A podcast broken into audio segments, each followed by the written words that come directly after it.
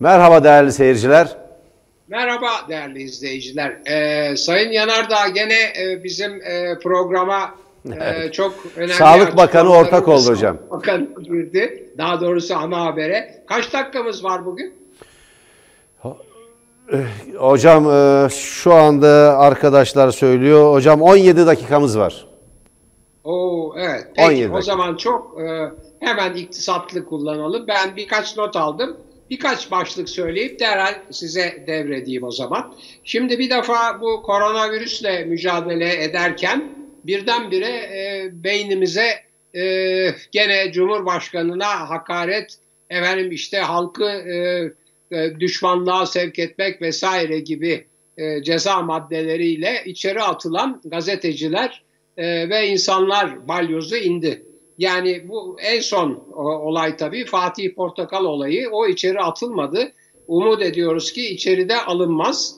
Ama Fatih Portakal sadece ve yalnızca e, bu koronavirüs e, mücadelesi dolayısıyla benim de hiç benzetmediğim ve gayet e, garipsediğim bir biçimde e, Sayın Cumhurbaşkanı'nın e, tekalifi milliyeyi gündeme getirmesini e, sorgulayan diyelim e, niye bu gündeme geldi diye sorgulayan ve bunun e, ihtimallerini e, söyleyen bir tweet attı diye hem Cumhurbaşkanı tarafından hem de ne hikmetse BDDK tarafından e, böyle e, hakkında suç duyurusu bulundu. Dilerim e, kendisine e, bir yeni hukuksal e, haksızlık yapılmaz. Yeni bir vakayla Türkiye gene e, dünya kamuoyunda e, çok sıkıntılı durumlar yaşamaz. Tam bundan çok kısa bir süre önce Hakan Aygün gene aynı bu koronavirüsle savaş sırasında işte İban, İban, İman filan arasında bir e, söz benzerliği bir kafiyeden yararlanarak bir espri yapmıştı. Ama mesela işte e, bakara makara diye çok ciddi olarak Kur'an-ı Kerim'deki ayetlerle, surelerle dalga geçen bir e, politikacıyı Çek Cumhuriyeti'ne e, büyük elçi yapan e, sistem diyelim veya rejim diyelim e, gayet masum bir biçimde iman, iman, iman e, benzetmesinden, kafiyesinden yararlanan e, Hakan Aygün'ü hapse attı. Ondan çok kısa bir süre önce Barış Terkoğlu, Barış Pehlivan, Murat Ağırel ve Hülya Kılınç hapse atıldılar filan. Böyle bir garipliktir gidiyor ve ve ve daha önemlisi tam bu arada mecliste tartışılmaya başlanan ve örtülü af diye e, kamuoyuna kendilerinin de örtülü af diye sundukları aslında anayasaya aykırı olan bir yasa tasar, tasarısı e, tartışılırken bu yasa tasarısında örtülü af denerek yutturulmaya çalışılan maddeler arasında efendim Cumhurbaşkanına ki o Cumhurbaşkanına hakaret e, maddesi özeldir. Çünkü Cumhurbaşkanının tarafsız olmasına göre, anayasaya göre tarafsız olan Cumhurbaşkanına göre düzenlenmiş bir maddedir.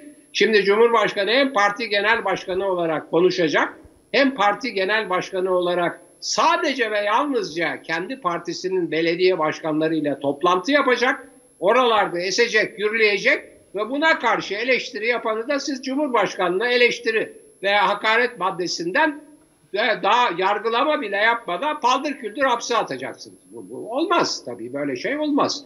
Şimdi tabii bu, bu, bu çerçevede o af yasası e, adıyla hem de anayasaya aykırı olarak af yasası olduğu halde infaz değerlendirme yasası diye gündeme getirilen yasada bu tür e, cezalar alanların eskiden e, hapse girmeden cezalarının işle, işlenmesi meselesi varken şimdi bunlar belli bir süre için mutlaka hapse atılacak. Yani özet olarak şöyle bir gör, görüntü veriyor bu güya af denen ve affı da dem, demeden af yapan filan bunu kamuoyuna öyle diyor. Biz sizi affediyoruz ama af diyemiyoruz çünkü anayasaya göre 360'ımız yok diyor yasaya göre uyuşturucu satıcıları, mafya liderleri, katiller, efendim e, özellikle yolsuzluk yapanlar, hırsızlar,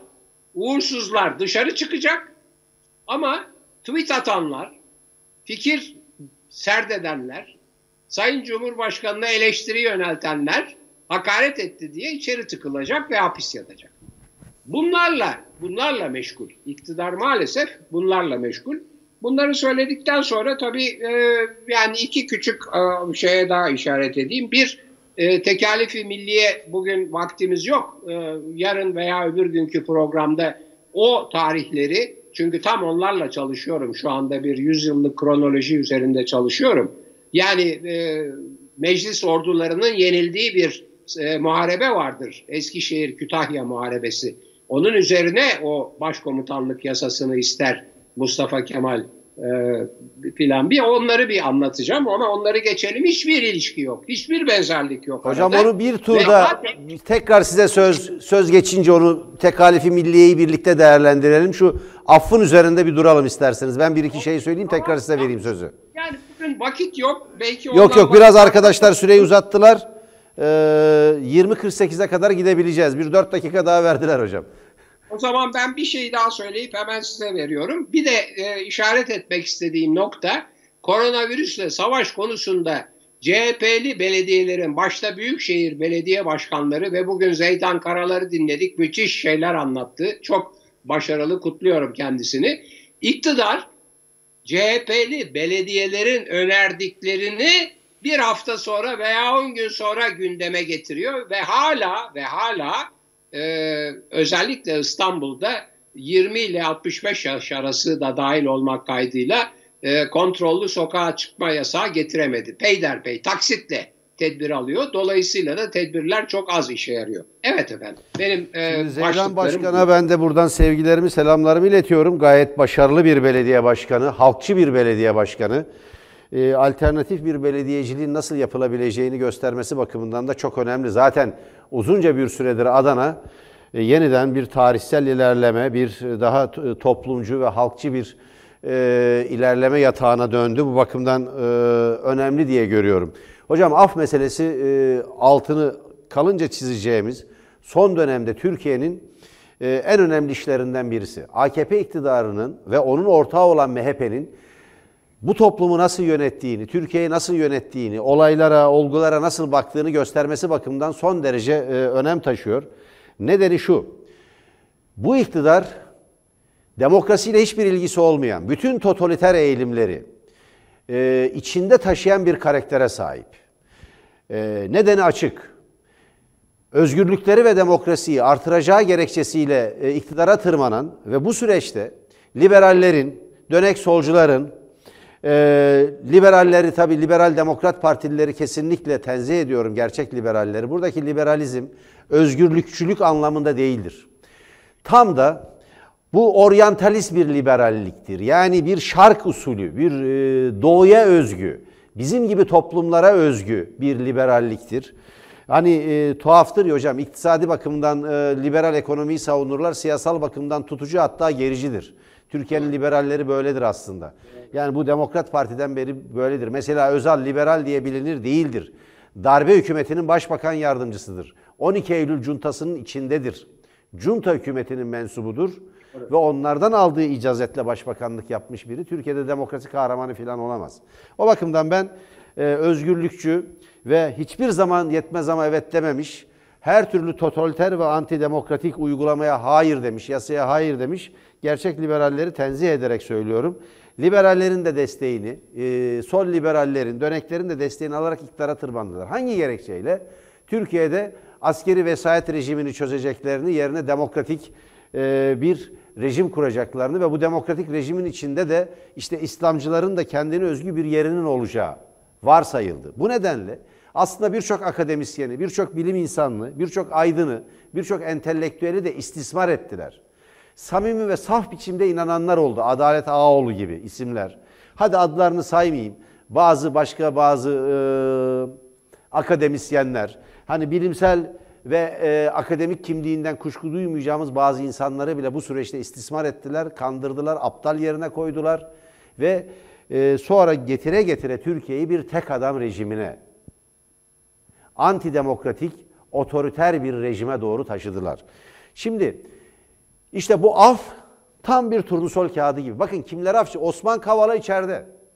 Osman Kavala çünkü onlara göre terör örgütüne yardım etmiş birisi. Terör örgütü üyesi olmadan terör örgütüne yardım ve yataklık yapmak gibi bir suç icat ettiler. Selahattin Demirtaş içeride tutulacak. Gazeteciler Şimdi Barış Pehlivan, Barış Terkoğlu, Murat Ağarel, Hülya Kılınç ve başka arkadaşlarımız yani bu Özgür Gündem gazetesi geleneğinden gelen arkadaşlarımız, diğer arkadaşlarımız.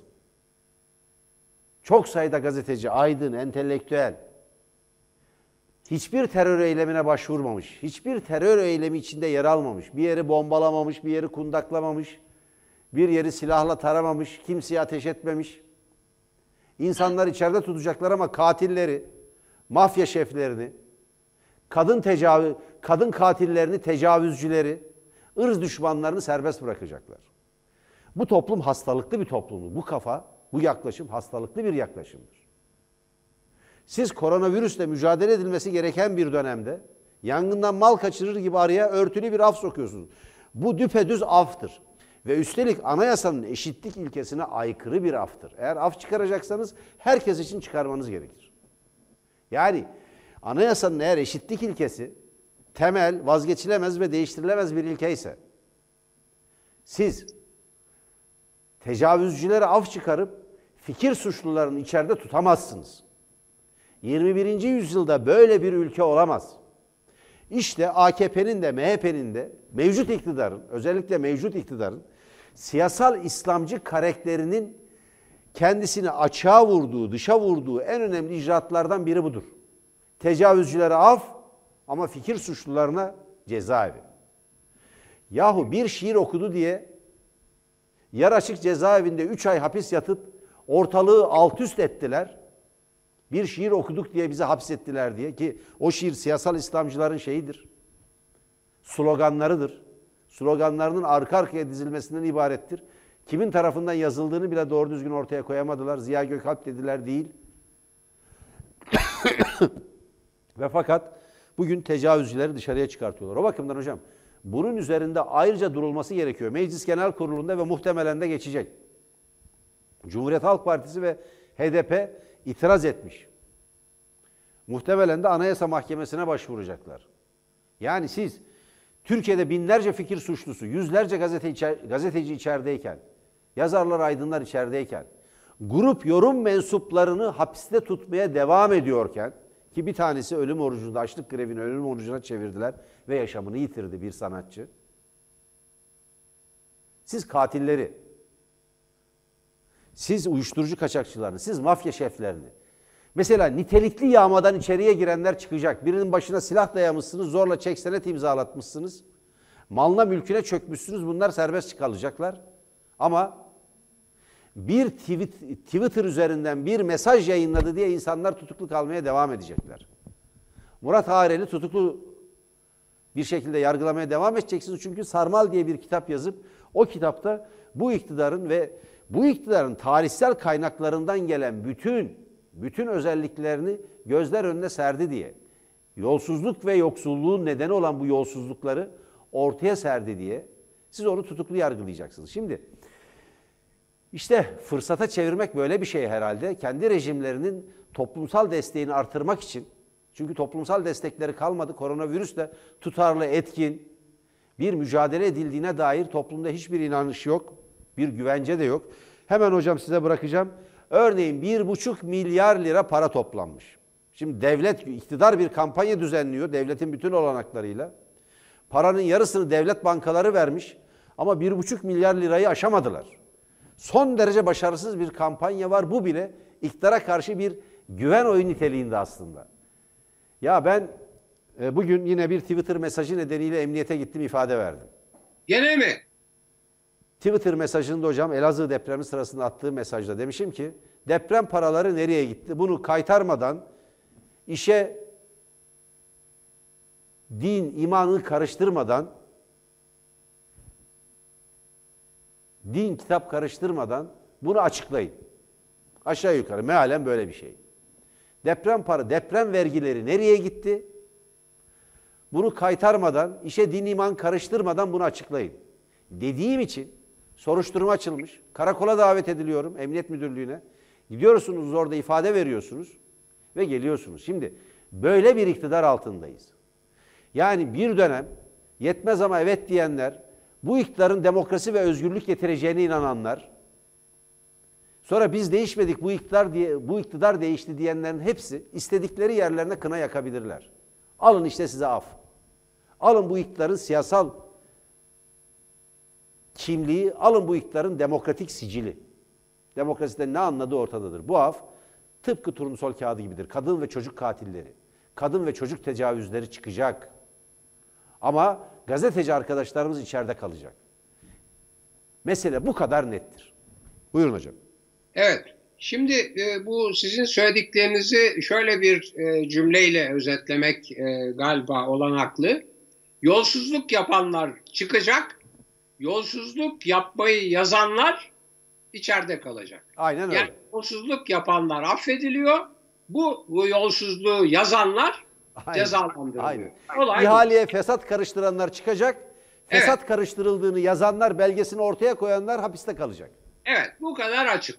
Bu kadar açık. Yani bunun hukukla, demokrasiyle, hukuk devletiyle, adaletle filan hiç uzak yakın ilgisi yok. Daha da daha da önemlisi, daha da önemlisi bu yasanın yasa tasarısının hazırlanış ve mecliste konuşulma hazırlanış ve meclisteki konuşulmasına ilişkin biçim yangından mal kaçırır gibi. Yani danışma yok, müzakere yok. Gece yarılarına kadar paldır küldür konuşularak komisyondan geçirme var. Yani uzlaşma yok.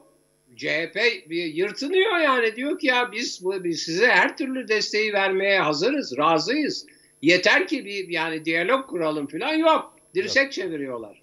Falan. Şimdi tabii bu e, gene yani e, o e, iktidarın bir takım sözcüleri bu koronavirüs dolayısıyla bağış toplama meselesinde e, en ağır sözlerle hainler, ihanet edenler, işte bilmem şu kafalılar, bu tavırlılar filan diye kendi yaptıkları yanlışları affettirmeye veya üstünü örtmeye çalışıyorlar.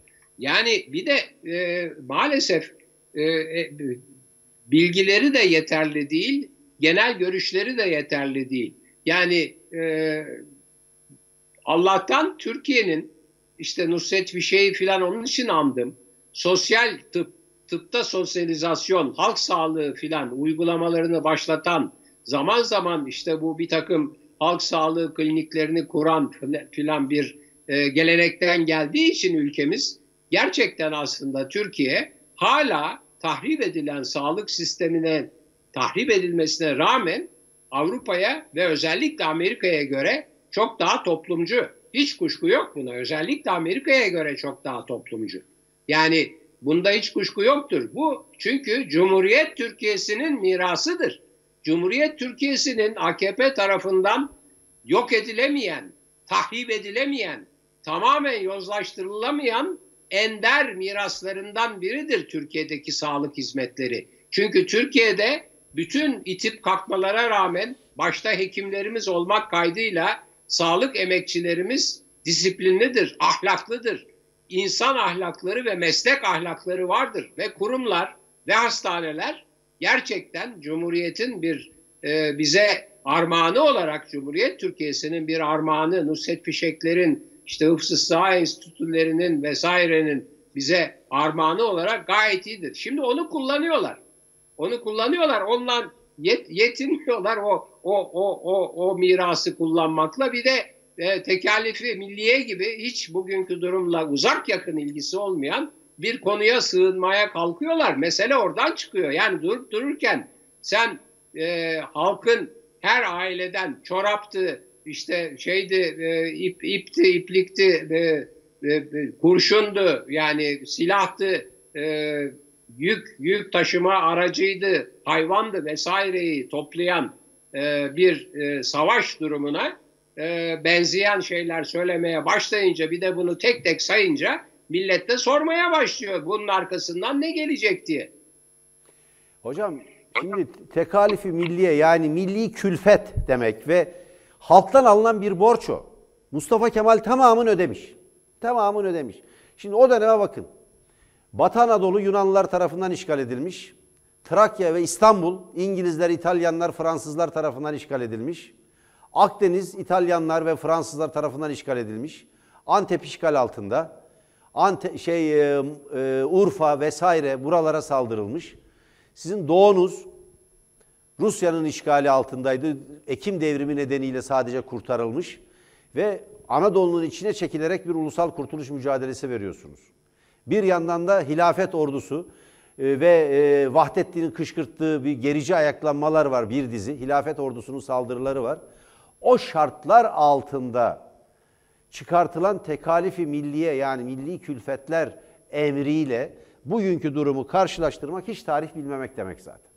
Evet. Ben şimdi buradan hemen yararlanarak madde madde çıkardım tarihleri. Bakın çok kısa hemen bir dakikada bitireceğim. 1920 Bologna Konferansı. Bologna Konferansı. Fransa, İngiltere ve İtalya 1920 21 Haziran 1920 yılı 21 Haziran.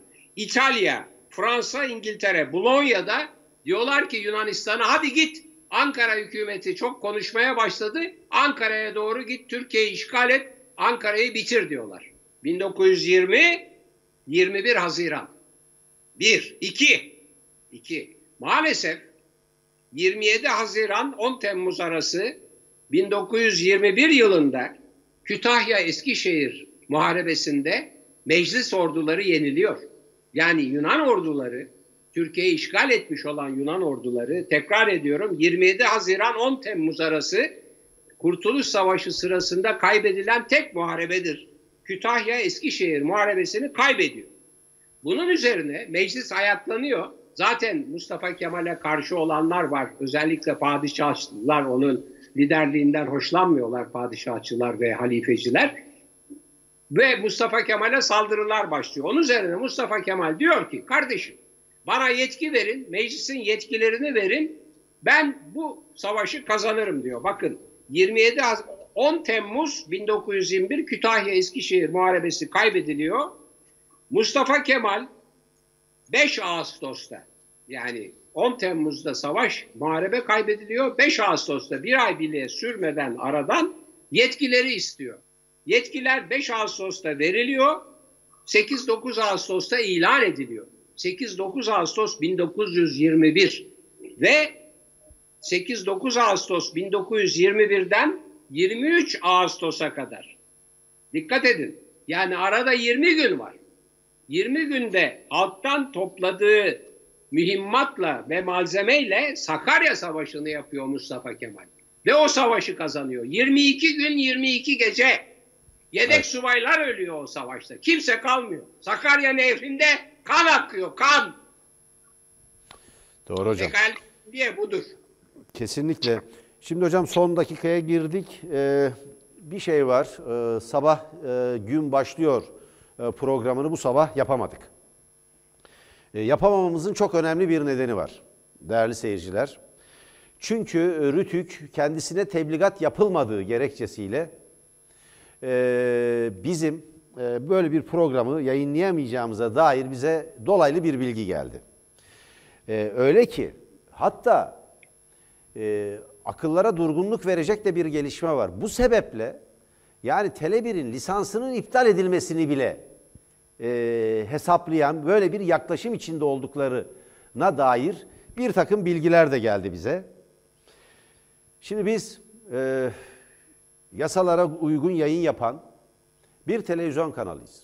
Türkiye'de farklı bir eğilime sahip, farklı bir sese sahip birkaç televizyon kanalından biriyiz. Yahu Tele1'i kapatmaya kalkacaksınız da elinize ne geçecek? Sizin derdiniz ne? Derdiniz ne gerçekten? Bu mu demokrasi? Bu mu anayasanın düşünce ve ifade özgürlüğü ilkesinin yerine getirilmesi? Suç işliyorsunuz. Tarih önünde suç işliyorsunuz. Tebligat yapılmadı diye böyle bir hazırlığa girişmişler. Bunlar normal yayına geçecekler, ilan ettiler diye. Tebligat yapılmış UYAP'ta yani ulusal yargı ağı denilen ağda Yani elektronik olarak yapılmış. Bizim avukatımız da oradan aldı. Ama bunlar müdahil olarak YÖK şey e, Rütük müdahil olarak avukat göndermediği için avukat göndermediği için müdahil olarak e, kendilerine tebliğ edilmemiş. Bugün bekledik yeniden. Yani tebligatın yapılması lazım. Bunun üzerine bizim avukatımız gitti elden kendilerine mahkeme kararını verdi. Ve evrak girişi yapıldı. Evrak girişi yapıldı. Fakat bu tebligat sayılır mı sayılmaz mı belli değil. Dolayısıyla biz hala şu saate kadar çünkü bu sabahta biz yeniden ceza belgesellerini yayınladık. Yayınlamak durumunda kaldık. Yani Tele1'e bir tuzak mı kurmaya çalışıyorlar? Yani e, hiçbir şey açık değil, hiçbir şey şeffaf değil, hiçbir şey demokratik değil. Her şeye bir ideolojik ön yargıyla bakan bir yönetim sistemiyle karşı karşıyayız Türkiye'de. O bakımdan hala hocam şu saate kadar emin olun bilmiyoruz. Şimdi arkadaşlarımızla, avukatlarımızla konuşuyoruz. Ne yapacağımıza karar vermeye çalışıyoruz. Elimizde deyim uygunsa kapı gibi mahkeme kararı var. Kapı gibi. Mahkeme kararı var. Ve bu mahkeme telafisi mümkün olmayan zararlara yol açabileceği için bir an önce hemen yürütmenin durdurulmasına hükmetmiş. Fakat biz bu yürütmeyi durduramıyoruz. Niye? PTT, PTT yoluyla tebligat gitmemiş. Oysa UYAP'a girseler görecekler. Yani tekrar o yüzden seyircilerimize bu sabah yani yarın sabah cana taklının olup olmayacağını ancak ilerleyen saatlerde netleştirip iletebileceğiz. Zannediyorum Murat Taylan e, Gün Bitiyor programında seyircilerimizle paylaşacak. E, değerli arkadaşımız sabah programlarını sunan ve bizim yayın kurulu üyemiz olan Can Ataklı da e, ona göre e, o da ya hangi saatte yatacağım bir an önce haber verirseniz. Çünkü sabahın 5'inde 4'ünde kalktığı için erken saat 10'da en geç yatmak durumunda ve çünkü akşamdan notlarını alıyor. Sabah kalkıyor çalışıyor ve notlarını alıyor. 3 saat çalışıyor ve ondan sonra çıkıyor programa. Dolayısıyla e, hocam böyle bir garip, tuhaf, Tele1'e karşı, Tele1'i kıstırmak, sıkıştırmak, sesini kesmek, yani bir ders vermek gibi e, hiçbir demokratik tutum ve bir e, yayıncı ve gazetecilik kültürüyle ilgisi olmayan bir yaklaşım içindeler. Biz de buna karşı mücadele etmeye çalışıyoruz. Biz seyircilerimizin desteğiyle e, Tele1'i, Tele1'in sesini sonuna kadar Tele1'i yayında tutacağız. Sonuna kadar da mücadele edeceğiz. Kimsenin bundan endişesi olmasın. Seyircilerin çığ gibi büyüyen bir desteği var çünkü Tele1'e karşı. Tele1'e yönelik baskılara karşı çok büyük bir tepki ortaya koyuyorlar. Ben bu antidemokratik tutumu, bu şeyi böyle bir ne, ne diyelim, bu, teknik oyunu, yani işte tebliğ edildi, geldi, gelmedi, yapamazsınız, yaparsınız. Yani çok tuhaf bir tabloyla karşı karşıyayız. E bakalım bugün ne olacak göreceğiz. Ben buradan bütün rütük üyelerine seslenmek istiyorum. Ortada bir mahkeme kararı var ve bu mahkeme kararı yürütmeyi durdurmuş ve telafisi mümkün olmayan bir zarara yol açabilir diye durdurmuş. Fakat biz durduramıyoruz. Ya niye tebellü etmiyorsunuz? Niye bakmıyorsunuz UYAP'a? Tazminat davası açmak lazım. Niye üstelik de niye e, rütüğün avukatları bir götürüp vekalet koyup kendilerine tebliğ edilmesini sağlamamışlar? Durum bu hocam ve bitirmemiz gerekiyor. Arkadaşlarımız evet. uyarıyor. Maalesef böyle evet, bir tablo var. Tazminat, tazminat davası açmak lazım. Bakalım hocam. Değerli seyirciler yarın görüşmek üzere. Hoşçakalın. Hocam hoşçakalın. Evet. Kendinize iyi bakın. Sağ olun. Sağlığınıza ve haysiyetinize sahip çıkın değerli izleyiciler. Evet. Özellikle sağlıkçılar. Öyle maske takmayın. Bilmem test gerekli değildir filan gibi abuk sabuk engellemeler yapmayın. Hoşçakalın. Hepinize iyi akşamlar.